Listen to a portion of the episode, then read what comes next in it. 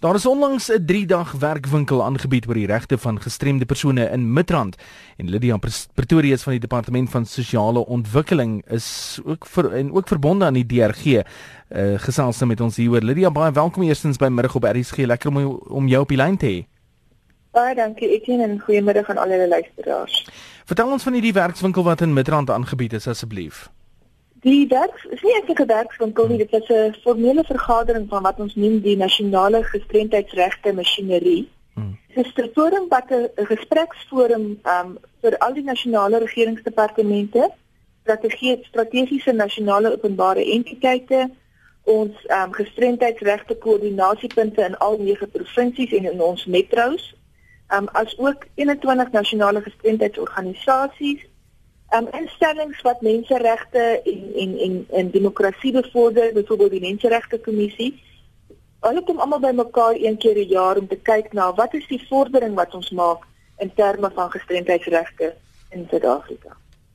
Goeiemôre Lydia. Lydia, ek wil ook net weet wie is die persone wat hierdie geleenthede bywoon en kan die publiek byvoorbeeld ook aan so iets deelneem? Baie dankie vir die vraag. Ehm um, dit is 'n geslote vergadering omdat dit 'n dit dit is 'n gestruktureerde, geïnstitusionaliseerde gespreksforum tussen die regering en die en en en ons um, gestremde persone wat verteenwoordig word deur hulle organisasies. So dit is nie 'n werkswinkel nie, dit is nie 'n konferensie nie, dit is regtig 'n 'n besigheidsvergadering as ek dit, dit so kan stel.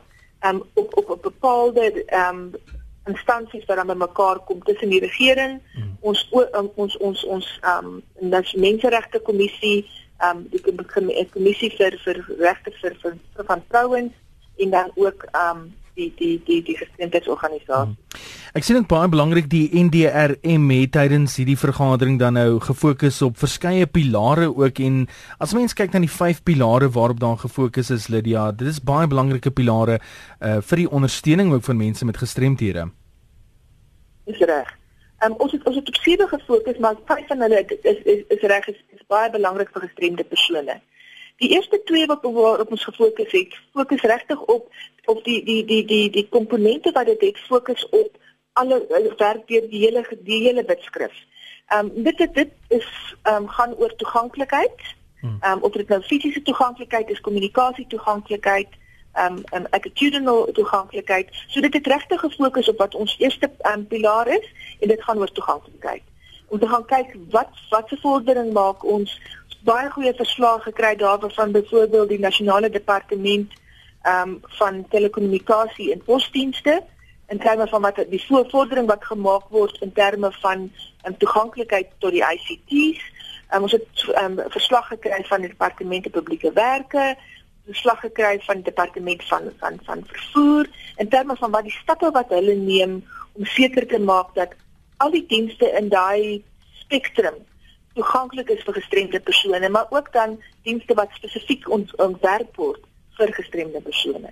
So dit was die eerste komponent. Die tweede komponent was dan gegaan oor wat ons noem ons ons beskermingspilaar wat gaan oor mense wat ehm um, spesifieke beskermingsmeganismes nodig het om seker te maak dat hulle lewensveilig is, dat hulle dat hulle dat hulle regte bevorder word. En dit spaar jy mense wat baie erg gestremd is, mense wat in landelike gebiede bly, en vrouens, veral as jy vrou nog in landelike gebied bly. So wat is die meganismes daar? En daar het ons 'n baie goeie verslag gekry van die departement van ehm um, justisie en in in in ehm um, uh konstitusionele ontwikkeling in terme van wat is die stappe wat hulle neem om seker te maak dat um hoofdienste ons het 'n verslag gehad van die polisie in terme van wat is die vordering en wat is die die die die die, die knelpunte in terme van om seker te maak dat al daai dienste toeganklik is vir gestremde persone. Van daar af oorgegaan dan in wat ons noem ons empowerment, ons bemagtigingspilaar wat gaan oor die van die van geboorte tot ons tot, tot die graf wat is daai meganismes wat ons nodig het om seker te maak dat ons vroeë kinderontwikkeling, ons onderwys, ons naskoolse onderwys en opleiding almal toeganklik is dat gestremdes hulle regte verstaan um, in terme van so departemente wat in daai areas opereer, moes kom verslag gee en sê wat is die spesifieke stappe wat hulle geneem het oor die laaste jaar om dit te bevorder. So dan laastens gaan kyk na wat is dit wat is die stappe in terme van naskoolse ehm um, na hulle opgelei is en bemagtig is in terme van ekonomiese um, selfbeskikking. Wat wat doen die departement van kleinsake ontwikkeling? Uitstekende werk wat daar oomblik gedoen word. Ehm um, wat doen die departement van um, arbeid om employment equity baie sterker te dryf? Wat gebeur in die in die in die, in die staatsdiens in terme van onderwys? Ons het gekyk na van daai areas. En dan die laaste deel was wat doen die staatsdiens departement van staatsdiens om seker te maak dat ons dienste oopgemaak word dat die kapasiteit geskep word en daar het ons ons ons National School of Government dan ook om verslag doen oor wat hulle doen in terme van opleiding van staatsamptenare sodat ons beter dienste en meer gelykheid um um skep vir gestremdes binne in die staat. En ek sien ook een van die baie positiefes wat uit hierdie vergadering gekom het is die departement van gesondheid wat die raamwerk en strategie vir gestremde persone en rehabilitasie gefinaliseer het. En 'n statistiek wat my oog gevang het ook is die skole vir persone wat spesiale behoeftes het het gegroei van 2002 waar daar 295 is tot 453 in 2015 is werklik goeie statistiek daai. Lydia, ek is ook Ek dink nog ekskuus, en dit het gesê daar, wat nog belangriker is in terme van die onderwys, mm. is dat ons nou meer kinders met gestremthede in in in in wat ons noem hoofstroomskole het as kinders in spesiale skole. Mm, mm. En ek dink dit is verskriklik belangrik vir 'n kind wat dan in staat is om uit sy huis uit te leer saam met sy boeties en sissies en nie weggestuur word noodwendig as die enigste opsie nie. Met ander woorde, ons begin nou opsies skep vir kinders oor waar hulle wil leer en dat hulle hulle ondersteuning moet kry waar hulle is. Dat hulle nie uit die huis uit moet gaan om ja. daai ondersteuning te kan kry nie. En is wonderlik om sulke nuus te hoor. Lydia, ek is seker die luisteraar het nog ter duisende vrae wat hulle wil vra rakende hierdie uh, geselsie wat ons nou het. Is daar kontakbesonderhede waar mense julle in die hande kan kry?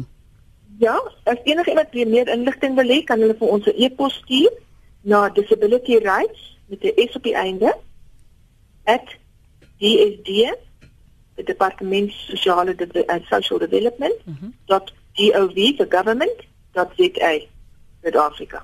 So dis disability rights @dsd.gov.za. Ek wil miskien net sê dat wat ons nou doen van na na hierdie gesprek van 3 dae, hmm. ons vat al die verslae wat ons ontvang het, al die aanbiedings wat ons ontvang het, al die kommentaar, want mense kon daai um, um, aanbiedings ehm um, interageer en en sê wat hulle daarvan dink en en en kritiseer. Ons vat dit alles in 'n skep 'n verslag dan bymekaar wat aan die kabinet voorgelê sal word hier teen Junie. Um, om te sê dit is die vordering wat gemaak word. Hier is ons knelpunte en ons vra dan die kabinet om verdere besluite te neem om daai knelpunte uit die weg te ry met vinniger vordering te kry. Sjoe, Lydia, jy is bedrywig. Dankie vir die gesels en sterkte met die wonderlike werk wat jy doen. Om met julle luisteraars te kon deel.